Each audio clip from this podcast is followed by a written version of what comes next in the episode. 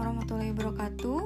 Balik lagi di podcast aku, podcastnya Firana Kali ini aku masih dalam pembahasan yang sama Yaitu Likaliku di usia 20-an Tapi ini masuk ke episode kedua. Di episode kedua ini juga bakal ngangkat aku 5 poin 5 poin utama Tapi uh, isinya beda ya dari episode yang sebelumnya. Kalau begitu langsung aja ke poin pertama Poin pertama, hidup kita itu kadang uh, terasa tidak seperti seharusnya. Pasti kita tuh sering membayangin atau mengimpi-impikan seperti apa kehidupan kita seharusnya.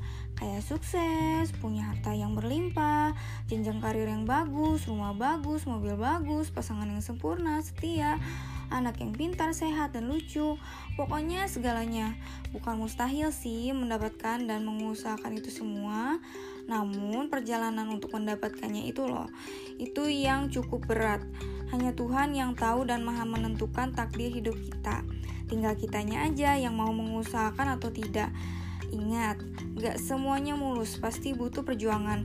Kadang kamu harus dapat gak enak dulu baru dapat enaknya. Seperti itulah, jadi kayak bersakit-sakit dahulu, bersenang-senang kemudian itu nyata adanya. Um, seminimal-minimalnya rencanakan dengan baik hidupmu lima tahun ke depan. Seminimalnya lagi satu tahun ke depan, seminimal minimalnya lagi seminggu ke depan, seminimal minimal minimalnya lagi rencanakan untuk esok hari. Maka ketika kamu masih dikasih kesempatan bangun esok harinya, ucapkanlah syukur. Poin kedua, jangan malu untuk berkonsultasi pada ahli atau pakar atau senior atau terapis atau guru atau semacamnya jika kamu memiliki masalah dan butuh dibicarakan serta diselesaikan oleh orang yang fokus pada bidangnya. Ya, ambillah langkah dan lakukan pokoknya.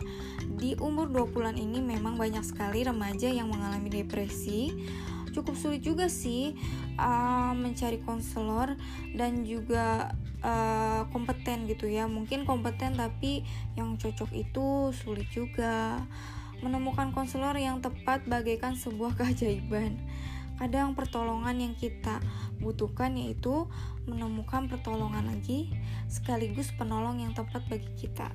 Iya enggak? Jadi jangan malu ya menemukan konselor yang tepat bagi dirimu Lanjut ke poin ketiga, temanmu yang sudah sukses di usia 20-an adalah acuan semangatmu dan juga uh, apa ya?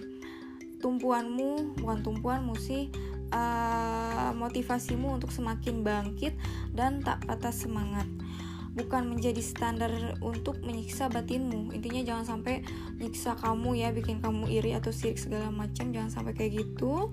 Karena itu hidup mereka bukan hidup kamu. Jadi jangan selalu melihat ke atas. Kita nggak boleh ngelihat ke atas terus. Lihatlah juga ke bawah. Mungkin hidupnya terlihat indah tapi belum tentu kita juga mampu menanggung masalah serta yang uh, apa masalah serta beban-beban yang sedang ia hadapi. Pelan-pelan aja Jalani hidupmu namun ambillah langkah yang konsisten pula. Percaya bahwa usaha tidak pernah mengkhianati hasil. Karena semua akan indah pada waktunya. Semangat! Lanjut ke poin keempat. Jika kamu bertahan pada hubungan yang toksik ataupun kurang baik, itu akan terasa seperti sinar matahari yang sangat menyengat di siang hari yang akan mengejutkan bagi diri kamu sendiri. Karena kamu bakal kaget kalau kamu tuh udah terbakar benar-benar terbakar gitu. Jadi daripada menyiksa dirimu mending move on dan cari yang baru. Um, poin kelima uh, kamu itu akan tumbuh secara gak sadar tumbuh dan menjadi dewasa juga berumur. Karena kamu akan merasakan sub-sub poin berikut ini. Aku sebut aja sub poin ini A B C D gitu ya. Uh, poin A. Kayak kalau kamu ke IKEA akan terasa seperti Disneyland. Walaupun aku juga belum pernah ke Disneyland sih. Secara tidak langsung kita akan memiliki kesadaran untuk menata rumah kita soalnya rumah masa depan kita untuk lebih baik lagi. Terus poin B, Tertidur adalah musuhmu karena mungkin kamu memiliki banyak pekerjaan dan tanggung jawab, tapi di sisi lain tidur adalah momen yang paling kamu tunggu-tunggu. Terus lanjut ke poin C, ketika kamu mendengar bayi menangis, yang pertama kamu lakukan bukanlah berlari panik, namun kamu akan tergerak untuk menolong si bayi itu.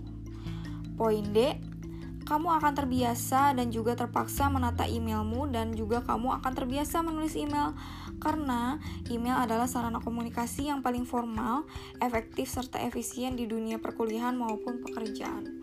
Uh, yes, dengan sendirinya kamu akan terbiasa.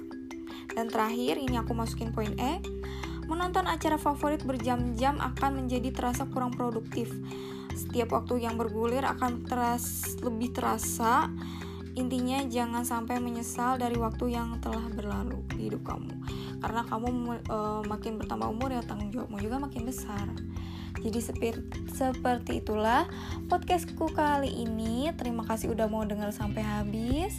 Uh, jangan lupa untuk follow Spotify aku juga Virana Podcast atau Viranandia itu Spotify aku boleh follow dan tungguin podcast berikutnya. Bye.